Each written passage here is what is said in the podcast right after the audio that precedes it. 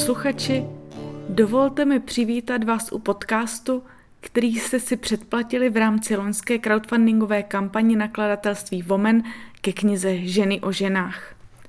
Děkuji vám za projevenou podporu, ale také za trpělivost. Tento podcast je speciální hned v několika ohledech. V tom, že je neveřejný, určený pouze pro vás, osm posluchaček a posluchačů, našich podporovatelů. V tom, že je můj vůbec první a nejspíš také i poslední. V tom, že vám v něm prozradím pár zajímavostí ze vzniku knihy Ženy o ženách, ale také o dalších plánech a projektech, na kterých teď pracuji a které jsou s knihou, jejíž vznik jste loni podpořili, úzce propojené. V tom, že vám přečtu několik textů ze svých dokumentárních deníků. Z nich se dozvíte třeba to, co skrývá Olga Somerová v kuchyňské kredenci.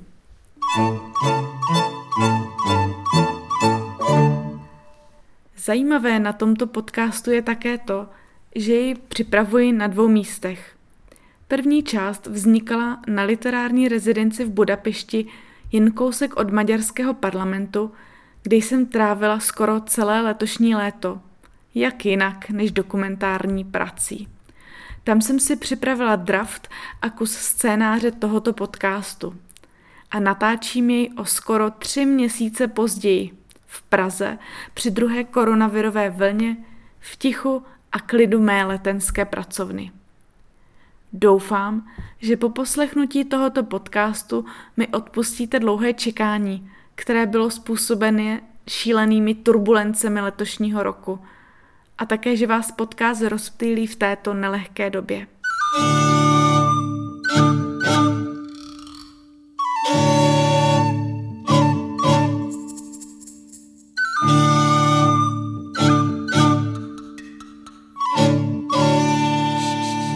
Milé posluchačky, milí posluchači, příjemně se usaďte do křesla, případně se dobře protáhněte, pokud se jdete při tomto podcastu zaběhat nebo se projít, jak to dělávám já. A poslech speciálního podcastu Barbory Baronové ke knize Ženy o ženách si příjemně užijete.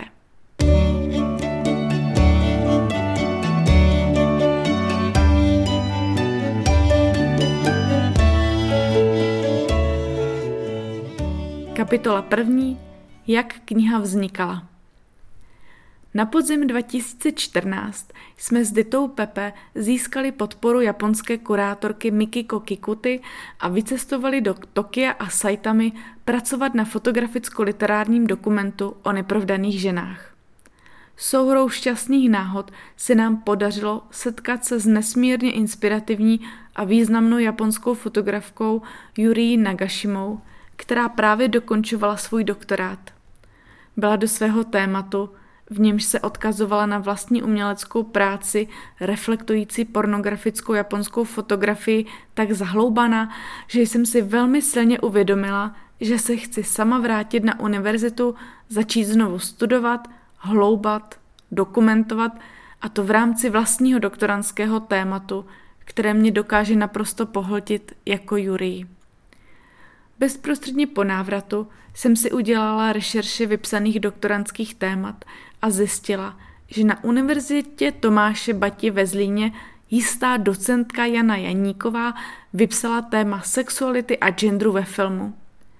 Naprosto intuitivně se mi poprosila o setkání s tím, že bude určitě mou zpřízněnou duší, což se taky nakonec prokázalo. Půl roku jsem dojížděla z Prahy do Zlína na konzultace a společně s Janou jsme hledali průsečík mého zájmu a zároveň očekávání univerzity. Základem mého doktorátu se nakonec stal projekt Ženy o ženách. Nicméně původní projekt se od toho výsledného ještě dost lišil. Proměny dostal zejména pod vlivem mého výzkumného pobytu v Austrálii. Kapitola 2. Práce na knize a Austrálie. V letě 2015 mě na doktorát do Zlína přijali. Průběhu psaní doktorantské práce jsem se však od svého prvotního záměru odklonila. Původně jsem chtěla pracovat na literárně dokumentárním projektu o ženách matkách, dokumentovat své tvůrčí postupy a konzultovat dokumentární práci pro teoretickou část dizertace s různými českými dokumentaristkami. Setkání a rozhovory s nimi se však ukázaly natolik zajímavé, podnětné a inspirující, že jsem se rozhodla projekt o matkách pozastavit a soustředit se čistě na rozhovory se ženami tvořícími dokumentární obsah. Načrtla jsem si pomyslnou osu, která zahrnovala umělkyně pracující s dokumentárním obsahem, žurnalistky, filmařky, non-fiction autorky a také vědkyně, abych pokryla rozdílné přístupy k dokumentární práci. Vybraných autorek dokumentárních děl, vyskytujících se na různých úsecích načrtnuté osy, jsem se poté ptala na jejich tvůrčí a odborné přístupy. U otázek jsem vycházela ze svých dokumentárních deníků, které si vedu od roku 2016 a které zahrnují spoustu dilemat a témat, jež jako dokumentaristka řeším a ze kterých vám v rámci tohoto podcastu také něco přečtu. Největší vliv na mě však měl výzkumný pobyt v Austrálii na University of New South Wales, kam jsem vyjela v rámci studia a díky podpoře Univerzity Tomáše Bati. Zkušenost se západním systémem vzdělávání všem vřele doporučuji, zvláště pak na postgraduální úrovni.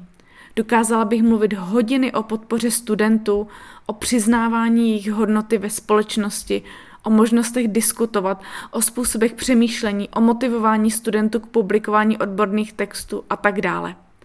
Výzkumný pobyt v Austrálii byl pro mě přelomový a to z více důvodů. Tak například Šťastnou náhodou jsem byla přijata do čtyřměsíčního workshopu Art Gallery of New South Wales, v jehož rámci jsem chodila na přednášky s předními osobnostmi umění a vědy, společensky angažovanými během druhé vlny feminismu na přelomu 60. a 70. let. A poté se ještě účastnila tematických diskuzí a cvičení, kdy jsme se například učili rozbíjet hierarchické struktury v komunikaci. Tento umělecko-filozofický projekt mě osobnostně nesmírně posunul a pomohl mi posléze v Česku doktorát dokončit. Na výzkum jsem totiž aplikovala feministické metodologie, které jsem musela obhajovat před mužskou komisí. Díky workshopu v rámci galerie jsem se přestala bát, protože jsem si byla argumentačně jistá v kramflecích. Další přelomovou událostí, která se mi v rámci výzkumného pobytu v Sydney stala, bylo setkání s australskou nakladatelkou Susan Hawthorne. Jako dcera knihovnice jsem zamířila hned první den na univerzitě do knihovny, náhodně vystoupila z výtahu ve třetím patře z jedenácti, rozhlídla se a mezi tisícovkami šedých knih zaregistrovala růžový knižní hřbet. Měl stejnou barvu jako naše knižní prvotina slečny. Knížku jsem vytáhla a četla titul Bibliodiverzita manifest nezávislé nakladatelky. Kniha mě zaujala natolik, že jsem její autorce Susan Hawthorne napsala o rozhovor. Nejdříve jsme se potkali v Sydney, potom jsem za ní ještě letěla na tropický sever do města Cairns plného krokodýlu. O rok později jsem knihu vydala v českém překladu, pozvala Susan na přednášku do Česka, k bibliodiverzitě začala vztahovat celou svou nakladatelskou praxi – O tomto unikátním konceptu také přednáším a své nakladatelství novně vnímám jako důležitý amplion tichých, nemainstreamových, umlčovaných a neagresivních hlasů v české společnosti. V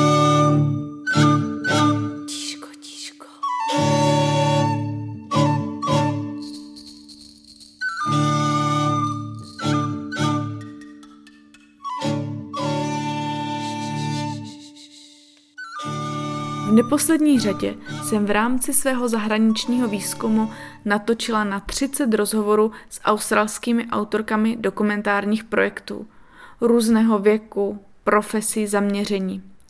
Na tomto literárně fotografickém projektu právě také aktuálně pracuji. Pokud vše půjde dobře, knížka australských rozhovorů spatří světlo světa na konci roku 2021.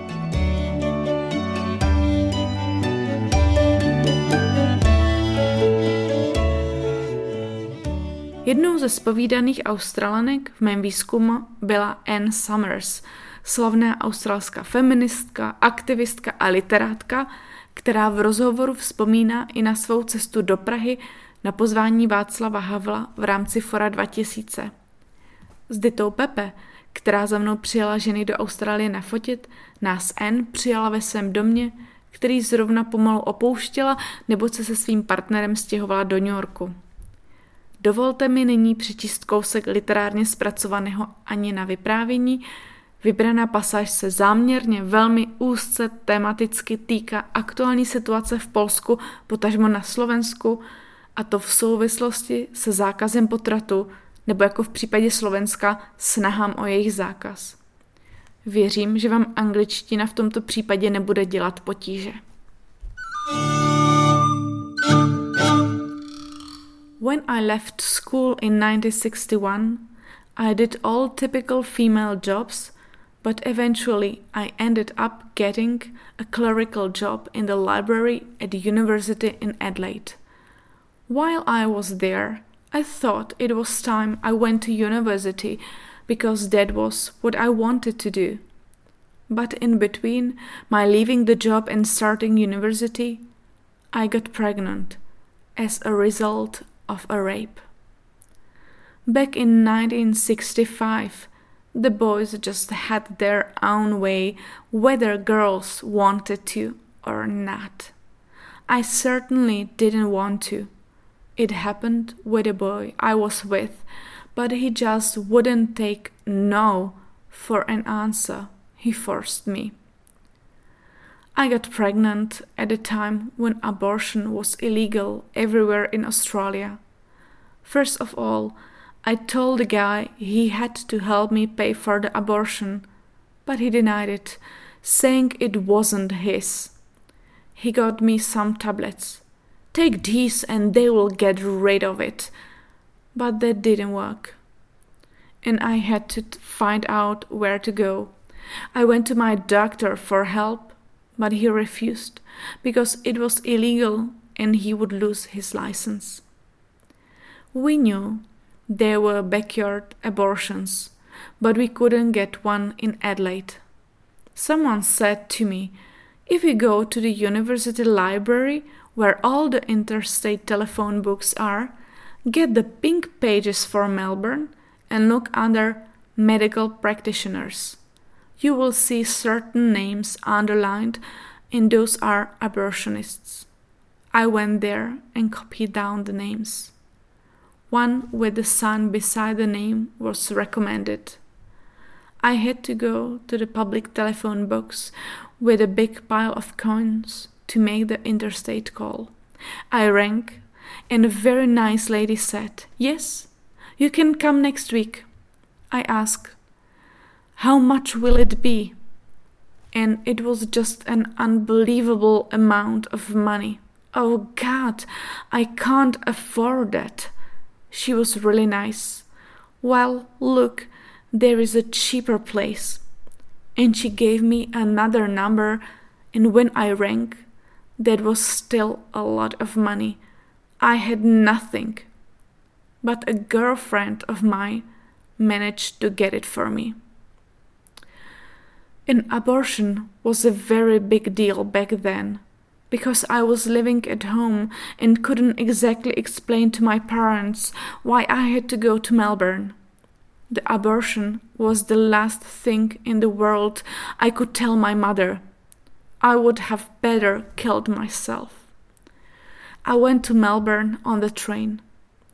The deal was that I had to meet the doctor on Thursday on the corner of a street in the city outside the church. Every time I travel to Melbourne today, I go past this corner all the time, imagining my 19 year old self standing there waiting.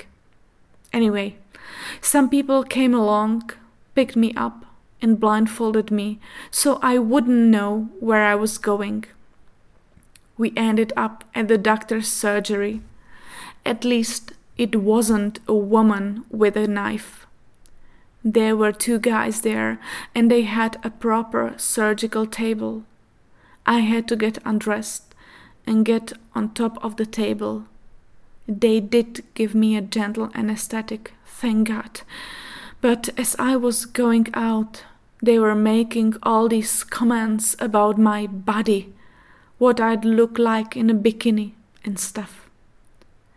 When I woke up, one of the doctors took me back to my friend's place. That was also a big drama because this girl was a very strict Catholic and she really disapproved of what I was doing, but she said I could stay in her house, which was very kind. I had nowhere to go, and I couldn't afford a hotel. Her flat was in an apartment building, and I remember all six flights of stairs I had to go up. I was almost passing out. The doctor had to practically drag me up the stairs and give me to my friend. She put me to bed, and he then went out again, bought six big bottles of lemonade, and said to my friend, When she wakes up, she will be very thirsty which was true. I literally drank all those lemonades, and if I had any problems, he left me a piece of papers with a name and a phone number on it. And then I started to bleed. I was bleeding a lot for a couple of days, and I got very scared.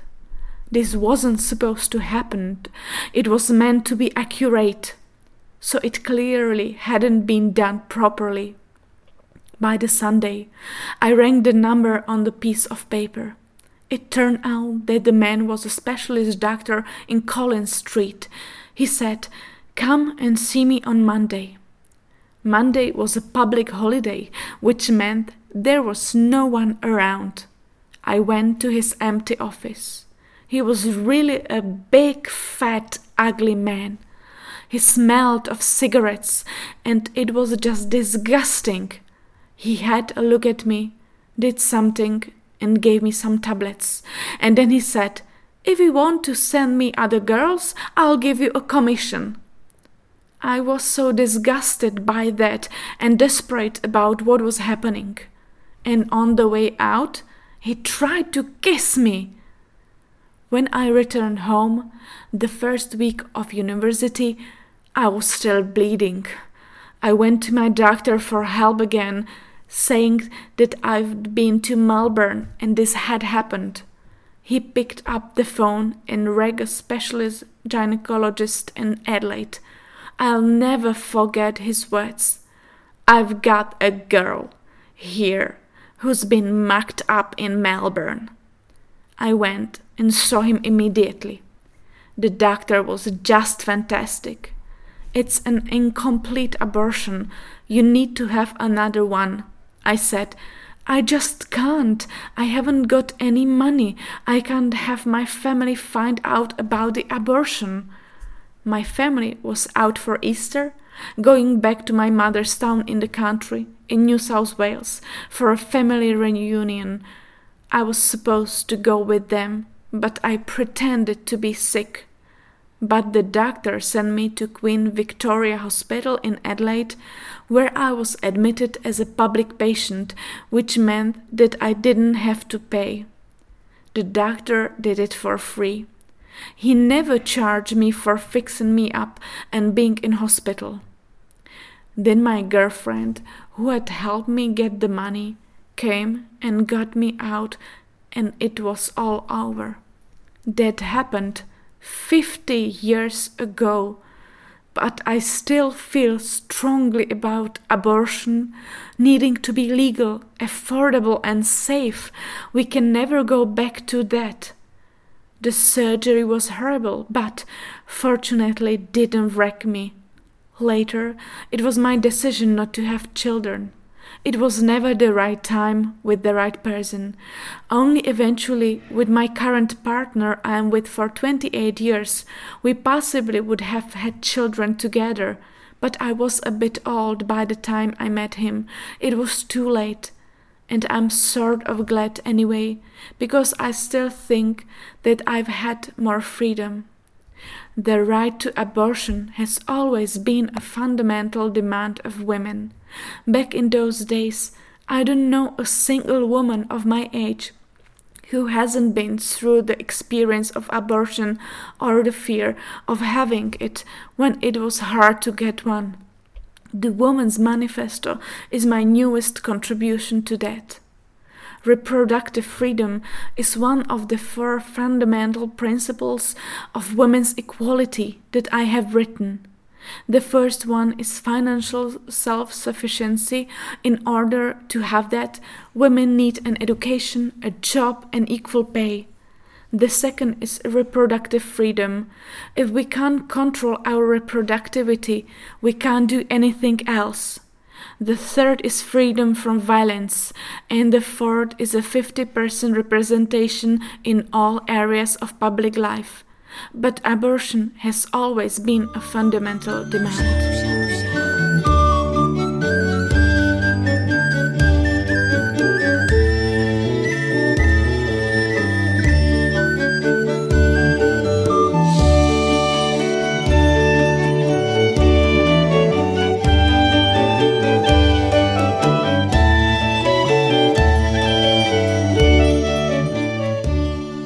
Výzkumných rozhovorů v Austrálii jsem víc a víc pocitovala potřebu aplikovat na svůj výzkum specifičtější, alternativnější vědecké metody, abych byla schopná dostávat si v rámci své práce hlouběji do tématu.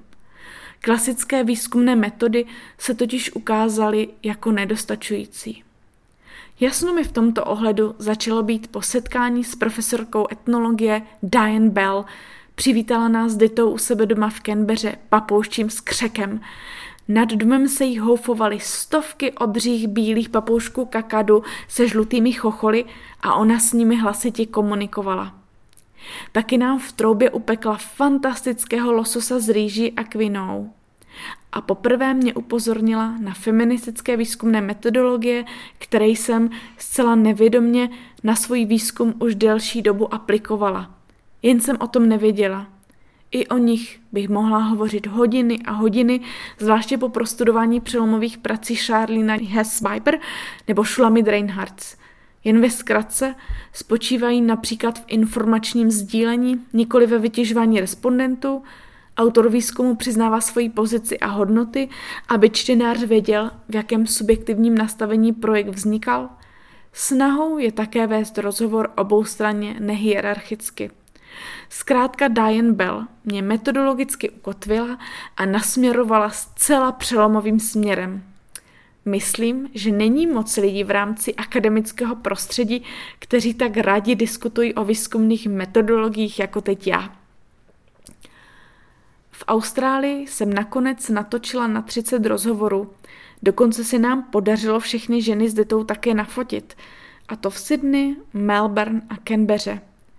O naší tour za ženami by mohl docela dobře vzniknout nějaký sitcom, zvlášť díky tomu, že jsem chytla housera a Dita musela skoro měsíc bydlet v domácí školce. Nicméně, v současné chvíli rozhovory z Austrálie zpracovávám, poté je všechny přečte korektorka, rodilá mluvčí Ann Johnson, poté půjdou texty na autorizaci a nakonec je začneme se Silvou Ficovou překládat do češtiny. Práce máme nad hlavu, ale vnímám jako velmi důležitou, inspirativní. Třeba Halina Robinson, autorka tří autobiografických knih, vypráví o tom, jak přežila holokaust. Nechala se přehodit přes 3,5 metrovou zeď varšavského geta. A jaké to je potom o takových zážitcích psát knihy. Ponch Hawks zase představuje svoje fotograficko-literární dokumentární projekty realizovaný o matkách a dcerách v 70. letech. A 70-letá Pet Fiske vzpomíná na svůj aktivismus, který přivedl k dokumentárnímu filmu. Při práci na knize se mi pořád ještě vybavují všechny pocity, zvuky, prostory, situace. Nahlížím do svých dvou australských denníků a čtu si v poznámkách, třeba 29. května 2017 v pondělí. Saba, to byla iránská aktivistka, autorka experimentálních filmů, posunuje focení na odpoledne. Dopoledne volno, jdeme na kafe a velryby. utečený pes. Vleze sám do Top Hatu, to byla moje oblíbená kavárna, ale není náš. Pak málem vkuří pod auto, tak voláme majitele. Ženy u Gordons. Teď vám velryby zatančí na hladině. Jakože za odměnu. Ale prdlajs. Na 14. hodinu jdeme k Anza k budově. Saba růžové šaty, krásná. Ale jsem trochu namíchnutá na přeloženou schůzku. Ale aspoň jsme s Ditou zachránili psa. V sedm šlapeme na Bronte za Siu. Nejveselější natáčení, ale hodně syrové, hodně osobní. Vypráví o babičce, o naivitě. Odcházíme spící a zároveň v euforii po půlnoci. Kuře, fazolky, zelenina strouby, čaj, zelený, lékořicový, záchvaty smíchu, sundávání obrazu. To jsme s Ditou předělávali svůj obývák kvůli focení. S Ditou tohle zažívám pořád, aby byla fotka stoprocentní. Občas stěhujeme i velký nábytek, třeba kvůli světlu. Moje poznámky dokreslují samotné rozhovory, focení, setkávání, jejich atmosféru. Nebo zápisek z 2. května 2017 ze setkání s Helen Grace. Jedno z těch náročnějších interview. Helen je profesorkou vizuální kultury a debata s ní musí být jednak poučená, jednak jazykově vybavená. Helen si mě testuje. Jaký je váš výchozí filozof? Uspěju se Zikmundem Baumanem, Byung-Chul Hanem a poté i s Ekem. Orientovat se je priorita. Je důležité být poučená, ať ta debata může být efektivní a pro mě a mou práci přínosná. Helen několikrát řekla, It was lovely talking to you. Snad to tak bylo. Možná vyznívám naivně, hloupě, pál to čert. Třeba to vše zachraňuji svým zapálením pro věc a diskuzi a sdílením, nebojím se říct třeba i banalitu. Třeba nejsem vůbec inteligentní a ti skutečně inteligentní lidé se se mnou jen scházejí, aby mě mohli pozorovat, jak zvířátko, jako boňku pod mikroskopem. Ale Helen mi dnes vysekla velkou poklonu, strašně si toho cením. Řekla mi, že by v jiných svých jazycích, kterými hovoří, chtěla být taky tak fluent, jako jsem já. Kež by to byla pravda, ale mám před sebou ještě dlouhou cestu. S Helen se kvůli pořádné diskuzi ještě uvidíme.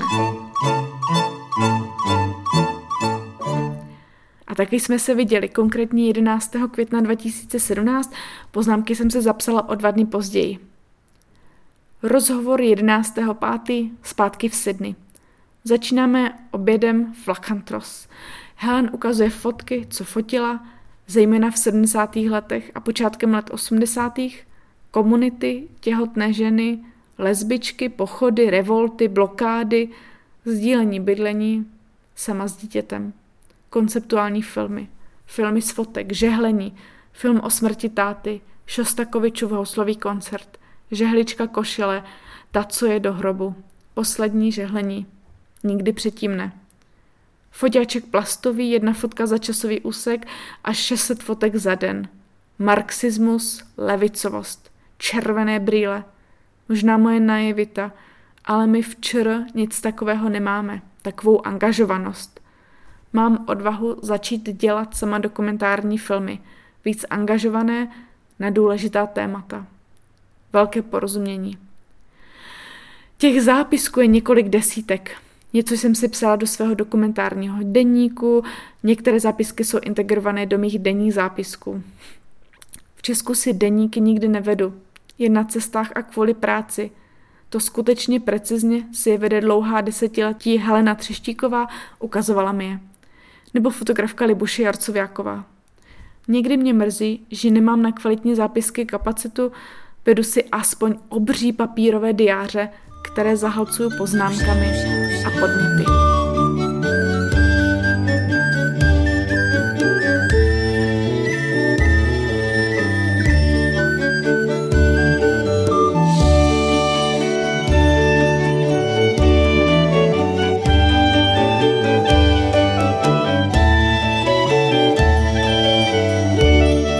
Kapitola třetí. Zpátky v Česku. Po mém návratu do Česka už nic není z mou dizertací jako dřív. Intenzivně se vrhám do natáčení rozhovoru s českými dokumentaristkami. víc empaticky, dohloubky, s novými tématy. Třeba o mezigeneračním dialogu dokumentaristek. Všímám si nečekaných detailů. Třeba toho, jak jazyk ovlivňuje setkání. V angličtině se tykání a vykání stírá, takže jsou rozhovory jakoby milejší, vřelejší, laskavější, hladší. Paralelně s dokumentaristkami natáčím ještě tu a tam rozhovor se ženami matkami, od toho ale postupně ustupuju a začínám se soustředit maximálně na dokumentaristky. Natáčím třeba s Marikou Pecháčkovou, mou spolužečkou z Vysoké, která žije s Vítem Klusákem. 16. února 2018 si do deníku poznamenám.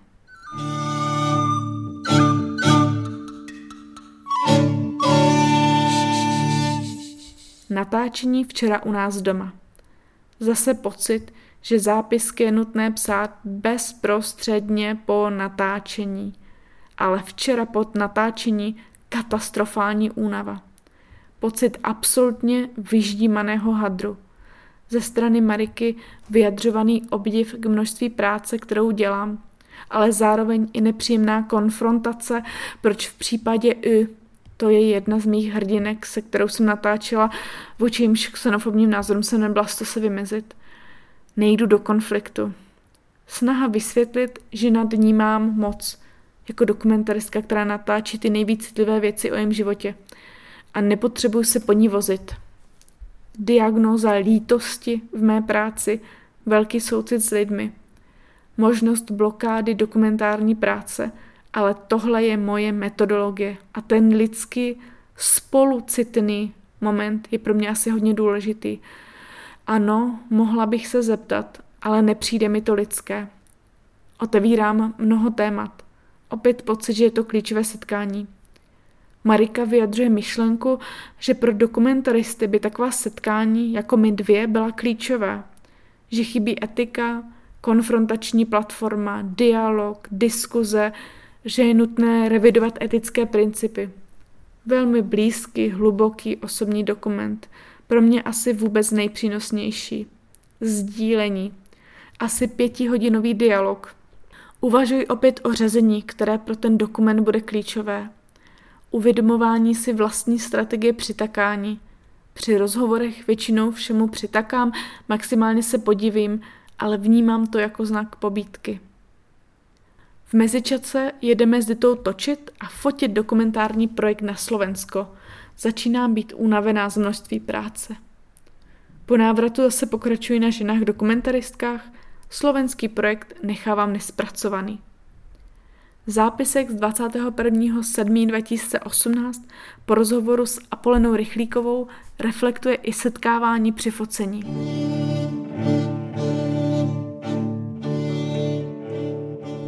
Dopisuji zápisek zase s mnohadenním spožděním. Mezitím tu byla Dita s Idunkou a fotili jsme Zuzku Števkovou, zapomněla se na večírku u kamarádu, Apolenu, čekali jsme, než uspí Elu, Gábinu kontru s Káťou Kačerovskou, zážitek z focení z barokního domu na Petříně taky jsme si potykali a profesorku Danu Musilovou, obklopenou květinami na rušné plzeňské ulici. Ale zpět k natáčení s Apolenou několik dnů předtím, Potkali jsme se v kavárně a bylo to milé. Apolena pojmenovala několik důležitých věcí. Řekla třeba, že studenti na FAMu mají právo na chyby, kdy jindy než tu dobu, než furt honit festivalové ceny. Chvilkama ale roztěkaná, kontrolující mobil. Totež pak při focení. Zvláštní moment. Nejdřív nás málem polili slečny u stolečku, potom z hora někdo zalíval kytky a polil z hora Apolenu. Rozdíl ale v natáčení, kdy nás nikdo nerušil. První setkání ovlivněno Elou, to je Apolenina dcera, focení prakticky taky, když jsme chodili po špičkách a šeptali. Časté uvědomování si, že pro ty lidi v tu chvíli nejsme prioritou. Uvědomění si, že nedohlížejí významnosti té práce, ale má nějakou významnost? Nechovám se úplně stejně vůči druhým taky já? Necítí ze mě, že je taky neberu jako prioritu?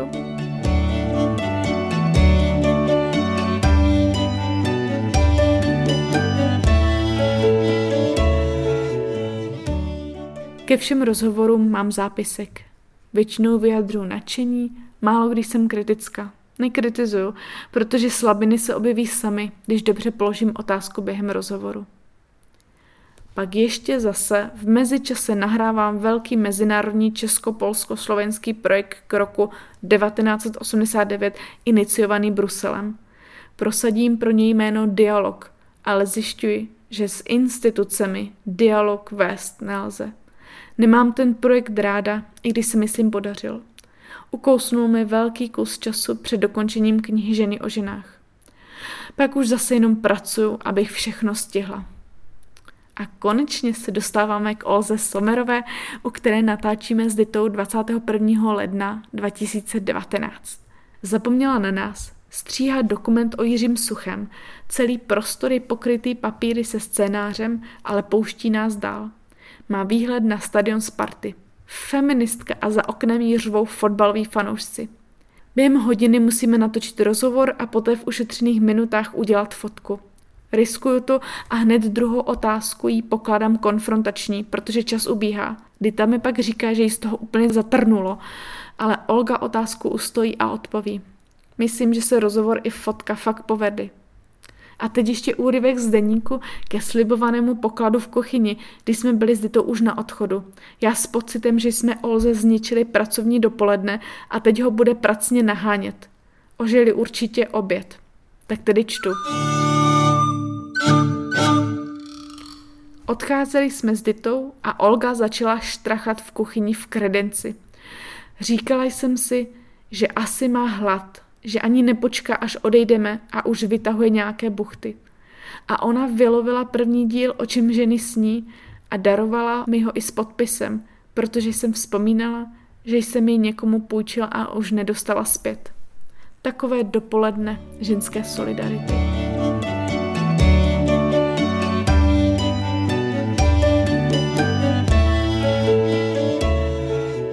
Kapitola čtvrtá. Ještě trochu práce, ale pak už je hotovo. Kus roku 2019 ještě dotáčím rozhovory. Třeba se socioložkou Marcelou Linkovou, která je nejenom skvělá vědkyně tematizující ženy, iniciátorka a spoluautorka projektu Bitvá revolta, ale také hrdinka filmu Jany Počtové Nerodič, o kterém v rozhovoru s Janou dost diskutujeme. Nakonec ji zastihnu mezi zahraničními konferencemi – Hodně se mi uleví, Marcelu vnímám pro svůj projekt jako klíčovou. Fotíme u ní doma, kdy to fascinuje, že má Marcela v bytě obří květinu, o kterou se s partnerem Tobiašem Jirousem stará jak o člověka. Rostlina má dokonalý zavlažovací systém. Od té doby mě Dita pořád přesvědčuje, ať se tu rostlinu vrátíme k Marcelovi fotit. Ale pak už jenom píšu, píšu, píšu, na nějakou dobu se přesouvám do Berlína – do bytu mé kamarádky Sabin, která je pryč. A pak jsem taky hodně nemocná. Raději ani neprozrazuju, na kolika antibiotikách jsem se ocitla. Intenzivní práce má hold své intenzivní dopady. Každopádně na podzim 2019 konečně knihu zdárně produkuju a na sklonku listopadu ženy o ženách vycházejí. Poté na můj svátek 4. prosince 2019 anebo to bylo dost možná o den později na Mikuláše. Už ten termín ani nemůžu dohledat. Knihu obhajuju spolu s druhou teoretickou částí a získávám za práci titul PhD. Hurá! Ale to ještě není všecko. Dva týdny před březnovým lockdownem, v den máminých 60. narozenin a zároveň v den svatební hostiny mého bratra, obdržím k titulu ještě cenu rektora UTB. Miluju tyhle malé životní paradoxy, jak se všecko slavnostně sešlo v jeden den. A teď o téhle naší malé soukromé rodinné radosti víte i vy. A to jen proto, že jste podpořili vznik knihy Ženy o ženách na HitHitu. Moc vám za to děkuji. Snad to čekání na vaši odměnu, podcast, stálo za to. Snad jsem vám aspoň trošku pozvedla svým vyprávěním náladu. Snad jsem vás aspoň trošku pobavila a přinesla pár zajímavých poznatků. Co říci závěrem? určitě se vracejte ke knížce Ženy o ženách a pouštějte si k rozhovorům dokumentární filmy zdarma na webu www.ženyoženách.cz, heslo najdete v knize. Tak, a teď už vám popřeju jen vše dobré, hodně zdraví a mějte se hezky. Děkuji za poslech a děkuji také za podporu. Srdečně Bára Baronová.